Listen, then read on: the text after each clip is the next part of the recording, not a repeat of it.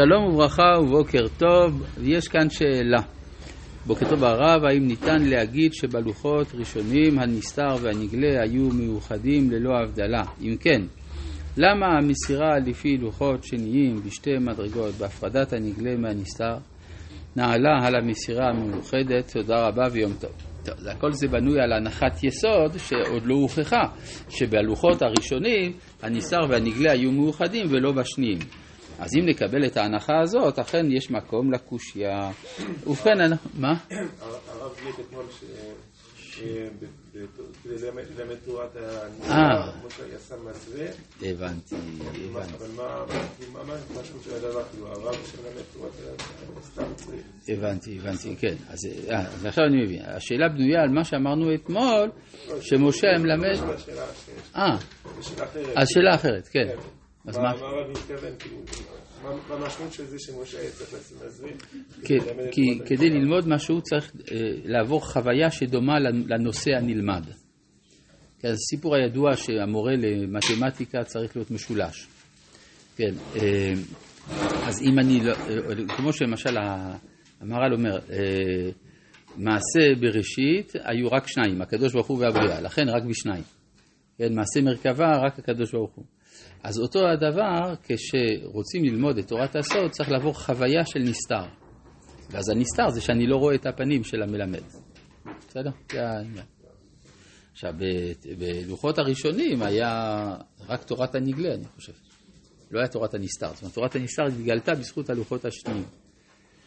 ובכן, אנחנו ממשיכים בפרק ל"ה, שהוא תחילת אה, פרשת ויקהל.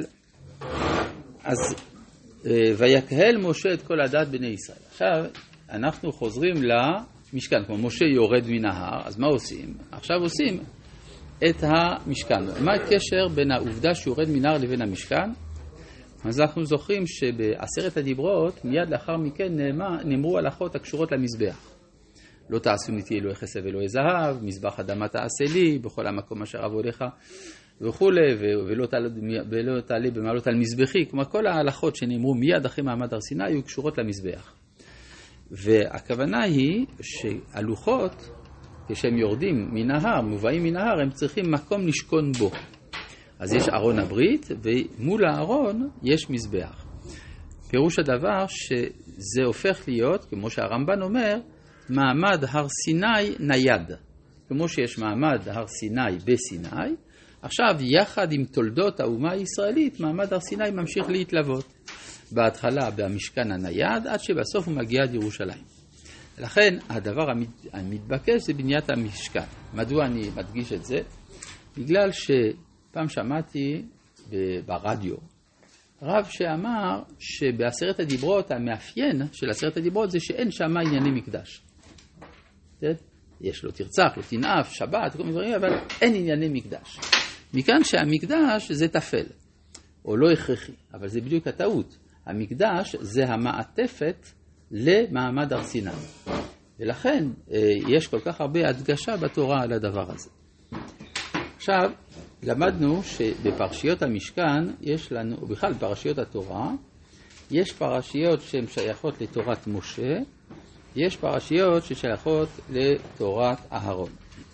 אחד הביטויים הב- הבולטים זה בפרשת תרומה ותצווה. שבפרשת תרומה שמו של אהרון לא מוזכר, בפרשת תצווה שמו של משה לא מוזכר. ומה הדבר הזה בא לומר? יש שתי פדגוגיות שונות, שתי שיטות כיצד אה, להפגיש את האדם עם הבורא. האדם הנשלט על ידי השכל בא מנדבת ליבו. לכן פרשת תרומה, מאת כל איש אשר ידבנו ליבו, ייקחו תרומתי.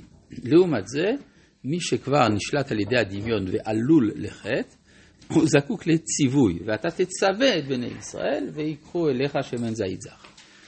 וזה, אם כן, הבחנה מאוד בולטת בין תורת משה לתורת אהרון, שבא לידי ביטוי גם בפרשיות ויקרא וצו.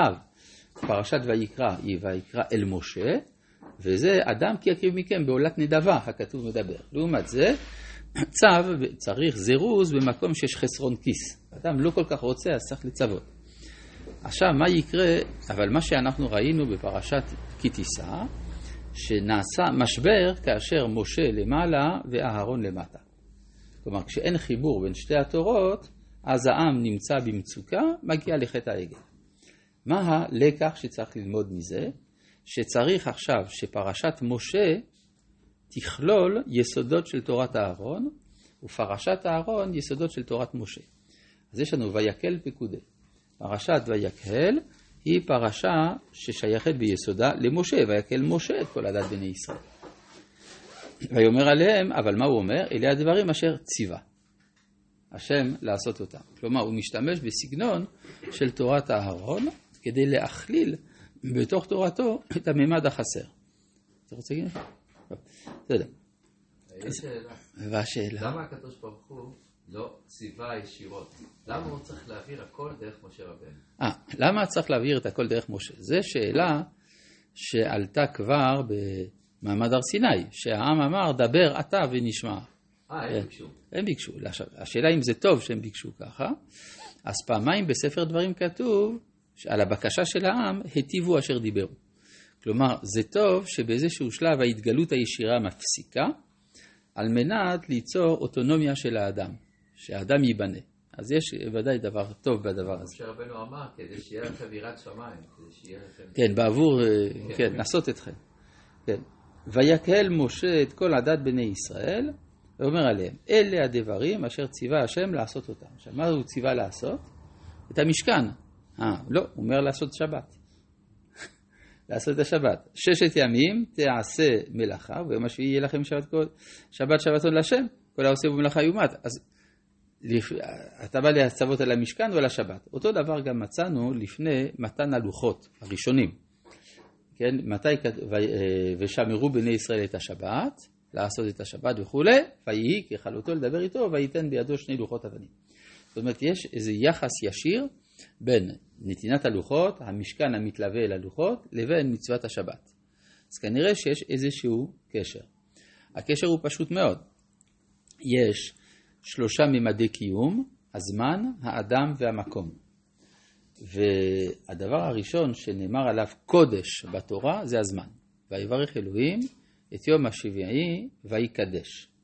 אחר כך מצאנו, ויקדש אותו, מצאנו אחר כך בני אדם קדושים, ואתם תהיו לי ממלכת כהנים וגוי קדוש. אחר כך בא הקידוש של המקום, ועשו לי מקדש.